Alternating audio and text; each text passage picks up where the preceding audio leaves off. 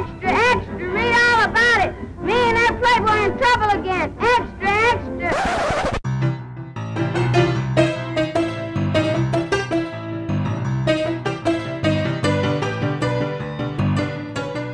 Hej och välkomna allesammans till ytterligare ett avsnitt av en rolig historia. Jag är Johan. Och jag är Linus. Hej! Varje gång vi har fått ett eh, förslag att någon har, har kontaktat oss och bett oss att, att prata om någonting så har det känts väldigt, väldigt, ja men ärofyllt, inte minst för att vi är en ganska liten podd än så länge. Ja men det är alltid trevligt att eh, någon vill höra oss babbla om någonting. Ja men precis. Den här veckan, kära lyssnare, så jag vill säga att det här är det största hittills, för vi, vi har fått kontakt av eh, inte, ja men det, det finns väl inget annat sätt att säga det, en utomjording. ja. En väldigt trevlig eh, varelse vid namn eh, Splork Eh, har bett oss prata om ehm, Ja, man brukar säga bortföranden av utomjordingar. Han vill att vi, vi skulle vara lite snällare och säga kanske, eh, ja, att, att stunder i människans historia då utomjordingar och människor har bekantat sig med varandra. ja, ja Och- men precis. Och vi hoppade på det här hur snabbt som helst, inte minst för att jag tror att du har drömt om att prata om anal probings sen vi kom på att Sen dess, göra den här sen, dess podden. att du, sen dess att du censurerade mig när vi pratade pornografi, då jag vid två separata tillfällen tog, tog upp någon form av, av, av referens till analsex, så har jag velat göra detta rätt genom att, att, att ta upp det igen. Så ja, anal probing. I alla fall, bortföringar. Jag antar att man säger så, bortföringar. Jag vet inte. Ja, alltså det mesta, det mesta källmaterialet finns ju på engelska det är ju eh, av anledningar som kommer bli väldigt uppenbara lite längre Ja, in i jo men så är det. avsnittet. Så är det. Men så, bortföranden av utomjordingar är väl, är väl det närmaste man kan komma. Förutom, det finns en väldigt teknisk term. Ja. För det vi egentligen pratar om, och om vi inte säger något roligare under avsnittets gång så är det det här jag tror vi kommer döpa avsnittet till, är närkontakt av den fjärde graden. Ja, ja. Fourth base. Eh, Det här är en del av en terminologi som heter ufologi. Mm. För det finns självklart ett helt vetenskapligt språk som har att göra med ufon. Jajamän. Enligt ufologin så finns det sju typer av närkontakt. Sju olika sätt som människor och utomjordingar kan bevittna varandra, eller vad man ska säga. Mm. Mm. Eh, och jag tänker jag ska dra igenom dem lite snabbt, för att vi ska kunna zona in precis vad det är vi kommer fokusera på här. Mm. Närkontakt av första graden är helt enkelt att någon observerar en utomjordisk farkost. Mm. Det, det har vi ju alla upplevt. Det förutsätter jag. Närkontakt av andra graden är att du hittar spår av en utomjordisk farkost. Det vill säga att du hittar kanske tracks eller någonting i marken eller delar. Tredje graden är observation av en utomjordisk varelse, i eller utanför farkosten, men att du ser en alien. Mm. Sen kommer vi då till det vi ska prata om, vilket är närkontakt av fjärde graden när en människa blir bortförd av ett UFO eller utomjordingar. Ja. Det kan hända att vi går in och leker lite med de tre sista också, för att det kan gå längre än detta. Du Ja, har närkontakt av den femte graden, där du samtalar med utomjordingar. Mm. Sjätte graden, där en människa eller ett djur dör i samband med en händelse som involverar utomjordingar. Mm. Och sist men inte minst tror jag din favorit, närkontakt av sjunde graden, där du via sexuell kontakt eh, eller assisterad befruktning hit, eh, skapar någon slags hybrid mellan en människa och en utomjording. Ja, det här kommer jag att prata om. Föga förvåning antar jag. Om vi börjar någonstans då, för att det här är som koncept egentligen är inte så fruktansvärt gammalt så sett. Eh, sen vill jag ju ändå påstå att det finns eh, vissa bevis om att folk har generellt trott på att utomjordingar existerar ganska långt tillbaka i tiden. Men, men just det här konceptet man, man blir bortförd har man, jag har väldigt svårt att hitta någonting innan 50-talet helt ärligt. Den delen är väldigt ny, men sen som du säger, att utomjordingar finns, det har nästan varit fakta när man går längre bak i tiden. Går du före vår tideräkning, så verkar det som att i många civilisationer så är det inget man ifrågasätter att det finns liv på andra ställen i universum, fast Mm. det känns som en ganska dum tanke att det livet skulle ta sig hit. Vilket, när jag tänker på det, är en ganska sund sä- sätt, sunt sätt att se på saker och ting. Intressant nog.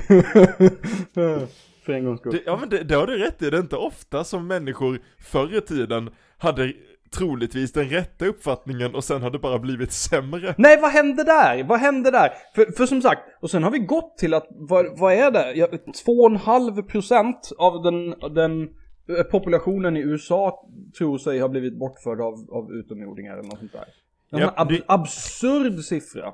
Ny, nyckelordet som du sa där, som både förklarar allt och kommer genomsyra hela avsnittet är USA. Ja, ja, men, men, intressant nog, eh, de första två fallen som, som jag skulle vilja prata om är egentligen inte USA. Och det här är väl egentligen de två, jag ska inte säga nödvändigtvis de första, men åtminstone de första som är så pass uppmärksammade att jag kunde hitta någon nämnvärd information om dem. Mm. Eh, det första då, 1954.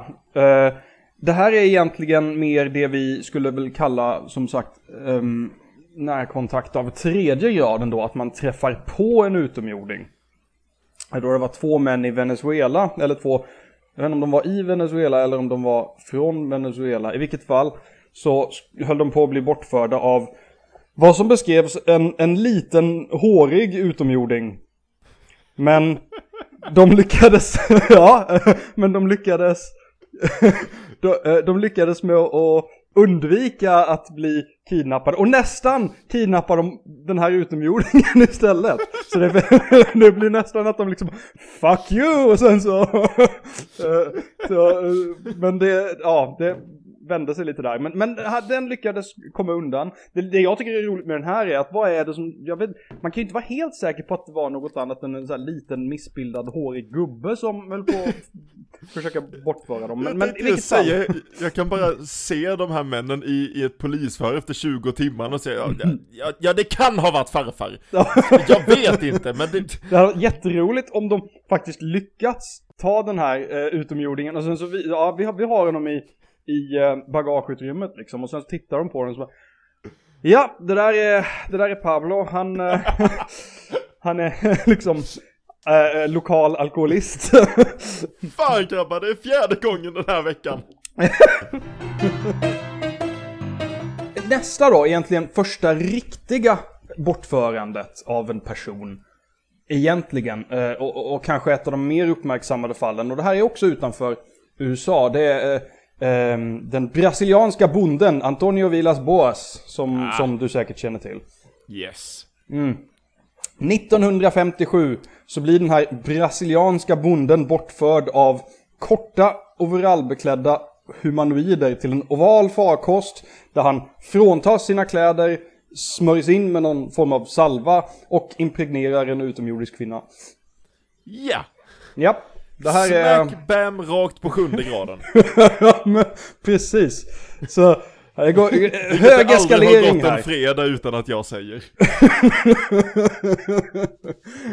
Det är bara en vanlig fredagskväll det Hans Lorentzonska hushållet. Jajamän.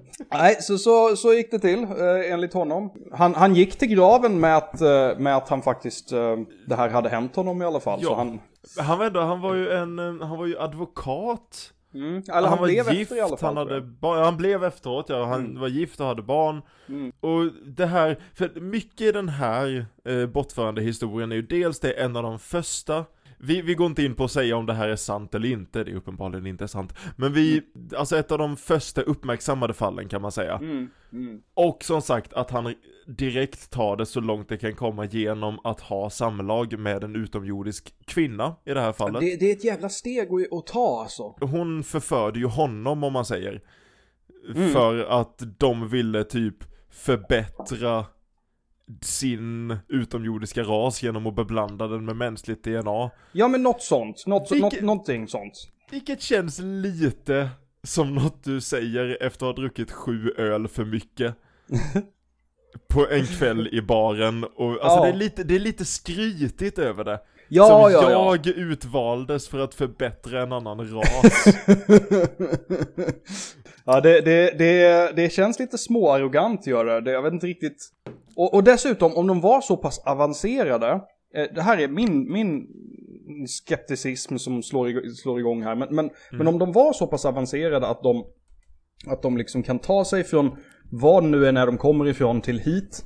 Och, och föra bort människor och allt möjligt. Och alltså, är det inte kanske...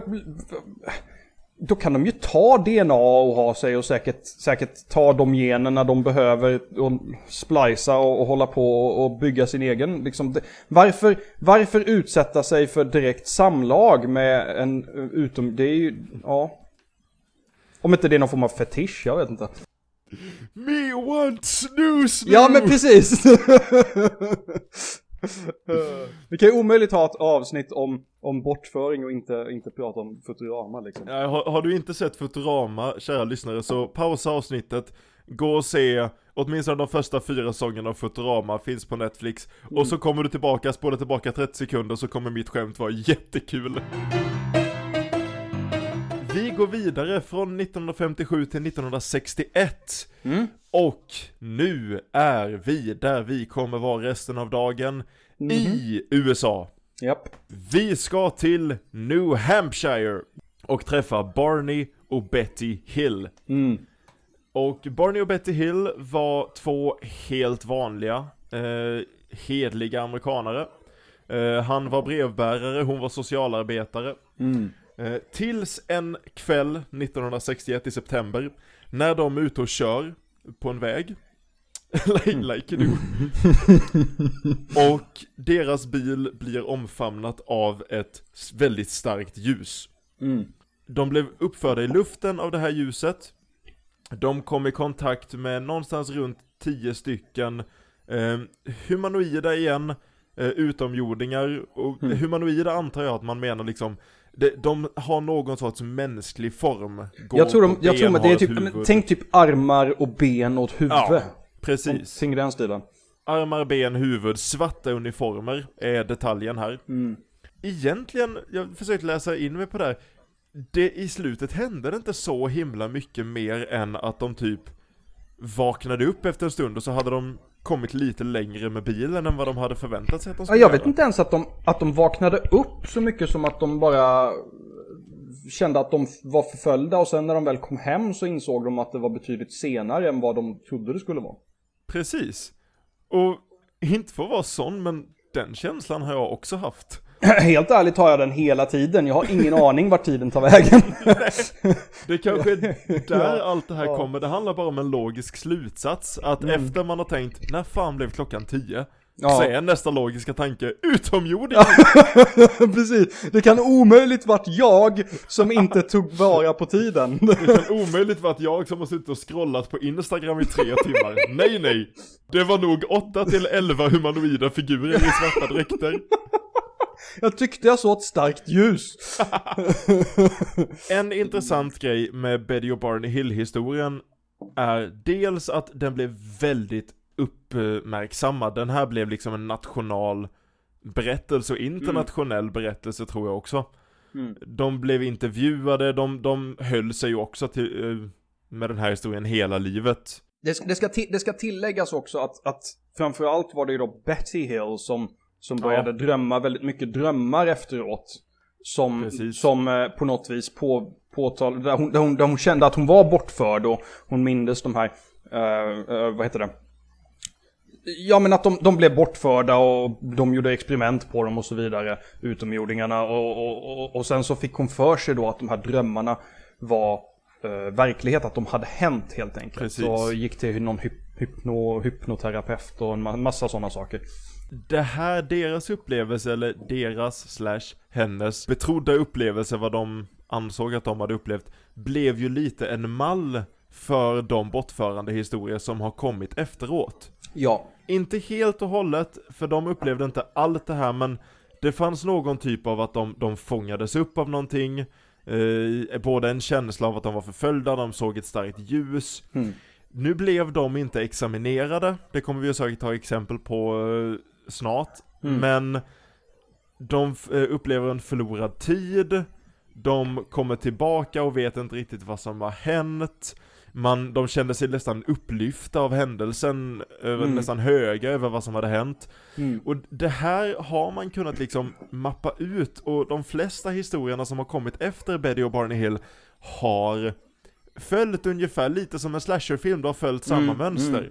Precis. Sen fläskats ut lite, de flesta är ju du blir fångad, du träffar utomjordingar, du blir examinerad på något sätt, får ofta en rundtur över deras högteknologiska farkost, Ja. och sen vaknar du upp, du blir, du blir eh, eh, tillbaka eh, satt där du var, du har förlorat massa tid, du känner dig helt upprymd, och sen så måste du deala med vad som händer efter. Det är ju ganska vanligt också att man får sådana här massa drömmar om det som Betty fick. Ja, precis.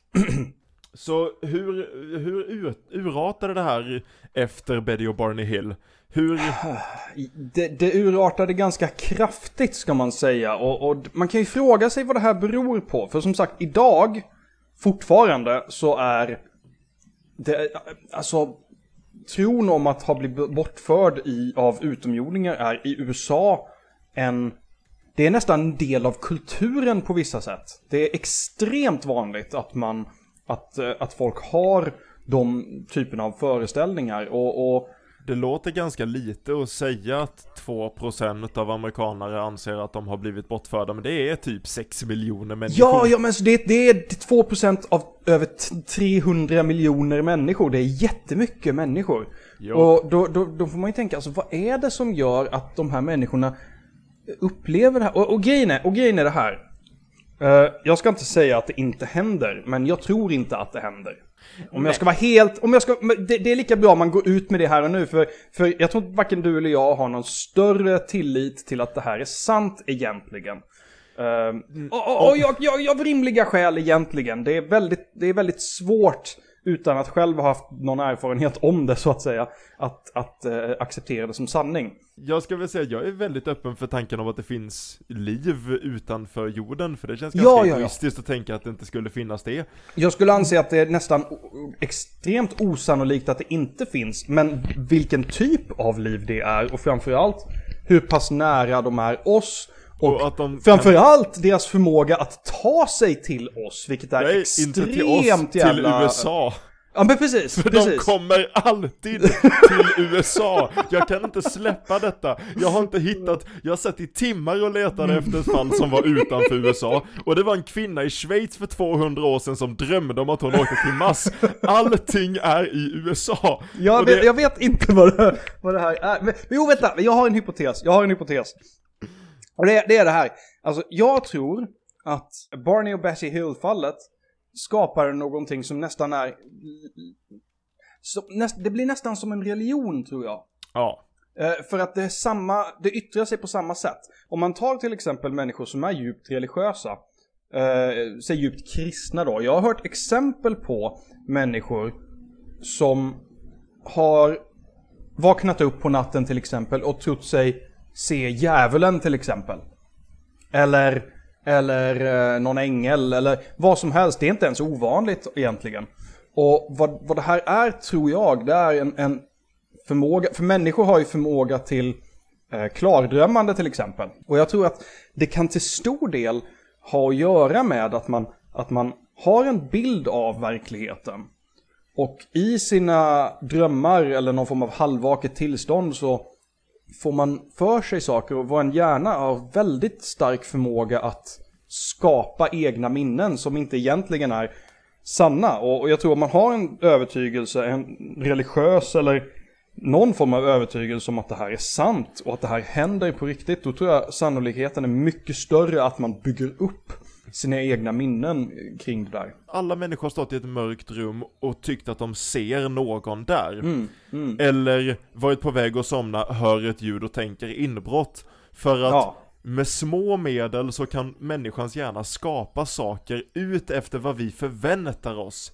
Precis. Och har du då haft en sån här gigantisk ehm, historia som ba- Betty och Barney Hill historien blev, så skapar det en historia som människor börjar förvänta sig, som är öppna för att det här skulle kunna hända. Och det, och det här är ju självklart någonting som folk på riktigt tror på i många fall. Det, det är det jag Oh, ja. tror man måste ha eh, förståelse för och det är därför man inte ska förnedra dem eller nedvärdera deras gud, erfarenheter.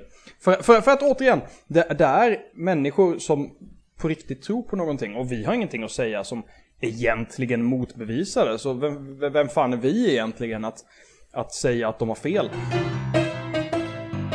Det, det är så tydligt hur mycket av det här är en konsekvens av sin, sin ålder på något vis. Jag, jag ville precis komma in på det också. Vad roligt. För, för att för det är just, man ser så tydligt 1960-talet, vi är, vi är mitt inne i liksom the space rage, space race, förlåt, nu sa jag fel. Eh, the space age och vi... vi, vi, vi Space Rage!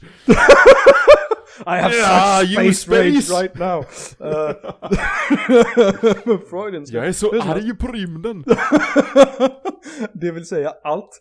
Ehm, eh, nej, utan man är inne i den här åldern av, av eh, att man verkligen jobbar för att ta sig ut i rymden och när man tar sig ut i rymden ska man ta sig till månen och sen ska man allt möjligt liksom. Vi, vi verkligen bara ut och gör allt vad ni kan. Och det, den här, det här tror jag, jag tror det har en sån stark inverkan på folks mentalitet. Och det här blir ju då framförallt i USA med tanke på att de är mitt inne i det. Intressant nog så är det inte så mycket i Ryssland. Eller Sovjetunionen dåvarande då. Nej, och det får mig att tänka Är det för att det inte var någonting eller är det för att det inte blev uppmärksammat om det hände? För jag, jag Mm. tror ju inte att amerikanare är annorlunda från andra människor på jorden, alltså så mycket som att det här är bara något som någon från eh, USA hade kunnat uppleva. Nej, så är det ju. Sen är de väldigt... Om man ska hårdra det så kanske amerikanerna är lite mer sensationalistiska i den meningen. Så kan det absolut vara. Eh, om man ska vara väldigt, eh, ja, applicera stereotyper på folk här. Men, men jag tror det, det kan spela in i det i alla fall. När vi ändå är inne i USA, Ryssland, 50-60-talet så har man en annan aspekt på det här eh, som också så att säga sätter fenomenet i sin tid. För att väldigt många bortförande historier innehåller en koppling till kärnvapen under den här tiden. Ja. Och det sker lite på ett, ett sätt som förvånade mig för att det är väldigt ofta att utomjordingar kidnappar människor för att varna dem om farorna med kärnvapen. Ja, precis. Så du har, du har en ganska positiv upplevelse av bortföringar när de kommer på 50-60-talet.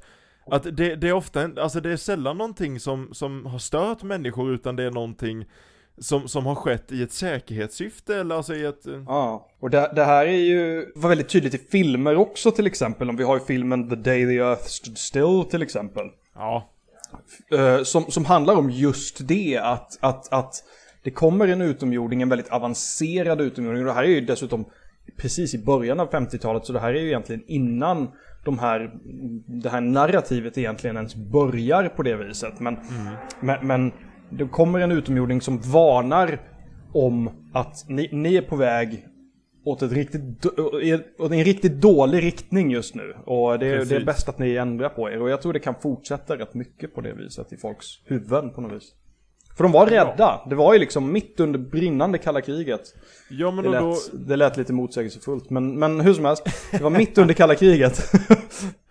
Men, och, alltså det är ju också en sån grej, vare sig man pratar om utomjordingar, eller film, eller musik Det som finns speglar ju vad vi lever i Och jag tror inte det blir tydligare än att när, man, när jag var inne, jag tror det var när jag var inne på Wikipedia, svenska Wikipedia-sidan för bortföranden av utomjordingar Idag står det att eh, i flera fall så eh, blir människor, berättar människor att de har blivit bortförda av utomjordingar som varnar om farorna med miljöförstörelse. ja, ja. Så, så där har Zeitgeisten ändrat sig. Idag har vi andra rädslor, även om vi rapid fart går tillbaka med att vara rädda för kärnvapen. Så har vi andra Precis. saker vi är rädda för, så, och då vill utomjordingarna berätta om andra saker för oss. Mm, mm. Så det visar lite på hur, hur vi vill uppleva den här upplevelsen. Det är lite det här att utomjordingarna, det, man kan ju säga att det finns som två bilder nästan. En av, av dem är ju just den här att man, utomjordingarna är någon form av hyperavancerad eh, art som, som kommer från rymden och som vet bättre på något vis. Ja. Och eh, därav ska, ska vidarebefordra sin visdom och säga till oss, ja men sk- skärp er. Ja, men det Eh, och och lite- det, då är det liksom, vare sig det är miljöförstöring eller kärnvapen, eller, men någon, det är dåligt liksom. Vårt dåliga beteende måste bort. Det är ju lite hela grejen med utomjordingar, att de är den här, eh, ja men det är de här varelserna som har kommit mycket längre än vad vi har kommit. Ja, Och som har något att lära oss. Eller som har större vapen och vill förgöra oss. För att det här ändras ju så småningom. pre- precis. precis. Någonstans på typ 80-talet så slutar det här vara en fin upplevelse och istället så blir det Mars Attacks-versionen där Ja. utomjordingar landar på jorden, säger hej och sen börjar skjuta. ja. Jag, tror att det är att utomjordingarna i det här fallet är på något vis en, ett uttryck för ett domedagsscenario som vi pratat om innan då. Att utomjordingarna är egentligen bara en, en pest med ett annat namn på något vis. Du skiftar ju hela narrativa delen av historien också för att i början på 50-talet så har du den här enskilda personen eller det enskilda paret som blir utsatta för någonting och sedan står mot världen med det här, måste försvara sig inför Ja. släkt och vänner och familj och landet. Men det skiftar sen för i Independence Day och Mars Attacks, alltså den narrativa historien vi har idag över utomjordingar är ju att de kommer och vill förgöra oss och vi får enas som land eller som planet för att rädda Ja. oss från det här hotet. Det som är intressant här tycker jag är att det är så fruktansvärt nära kopplat till eh, fiktion. Du, du märker ju själv hur vi så väldigt lätt vill tala om det här i termer om filmer. Ja det är sant. Vilket det är säger, sant. vilket, och det var inte planen på något vis, men det, det säger någonting om hur man upplever det här liksom, som koncept på något vis. För att Ja. det, det är så svårt att det är så svårt att särskilja det från fiktion. Fakta och fiktion på något vis flyter ihop.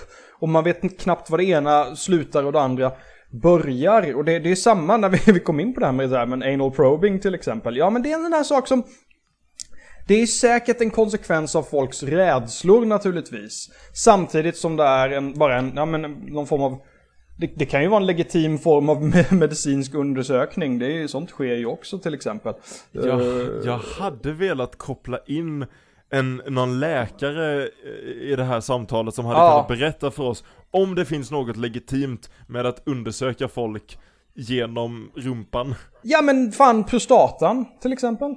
Varför vill de veta något om den? Jag vet inte. Det kanske är en sexgrej, jag har ingen aning. det finns väl ingen rimlig anledning för det. det jag tror, vad, vad jag tror det är är att det är en, en sån här kall, brutal, för många människor skrämmande medicinsk undersökning på något vis. Den här bilden av att du är fastspänd på ett bord och någon håller på att probar dig där bak liksom. Och det, jag tror att det, det är någon form av skräckscenario mer än någonting annat egentligen. Det som är väldigt tydligt är ju att eh, en stor del av hur folk upplever sådana här saker beror till så ofantligt stor del på samhällsklimatet och de, de rädslor och de uppfattningar som människor har där och då. Det, det, är, egentligen, det är egentligen sant med allting egentligen, hur, hur vi ser på saker. Vi definieras till så stor del av vår samtid att man lätt glömmer eh, att det är en sån enorm del av vår identitet som kollektiv. Ja. Så så är det. Jag, jag har ingenting att säga tillbaka, det, det är bara så BAM! Bam! Mic drop. Wham bam rakt i sjunde graden, det är mitt nya, Det det är mitt nya uttryck. Jag kan inte. Oh, vill du avsluta? Det brukar jag alltid göra. Ja, det brukar du faktiskt göra. Um... Ja, det var det vi hade att säga om det eh, alltså. Eh, Så varsågoda. Eh, Jaha, hej då! Varsågoda kära lyssnare för att eh, ni har fått privilegiet att eh, lyssna på ytterligare ett av våra fantastiska avsnitt. Jag vet, jag vet, i början när vi gjorde typ andra avsnittet tror jag det var Avslutade jag ville jag ha en fast punkt så jag frågade dig i slutet vad vi hade lärt oss under avsnittet Ah. Jag gav upp det väldigt snabbt Mm. För det känns, det blir så transparent och genomskinligt att Vi har inte lärt oss någonting Nej, nej vi, har bara, värde. vi har bara pratat, som vi alltid gör du och jag, att vi, vi, vi pratar om allt mellan himmel och jord och sen glömmer vi typ nästan bort vad vi sagt liksom. Eller hur? Men ja, tack för att ni lyssnade ja, tack för Intro det. och, uh, intro och automusiken kommer från låten Wagon Wheel av Kevin MacLeod Kevin McLeod. Ha det bra kära lyssnare, så hörs vi igen om två veckor Mm, det gör vi. Hej då.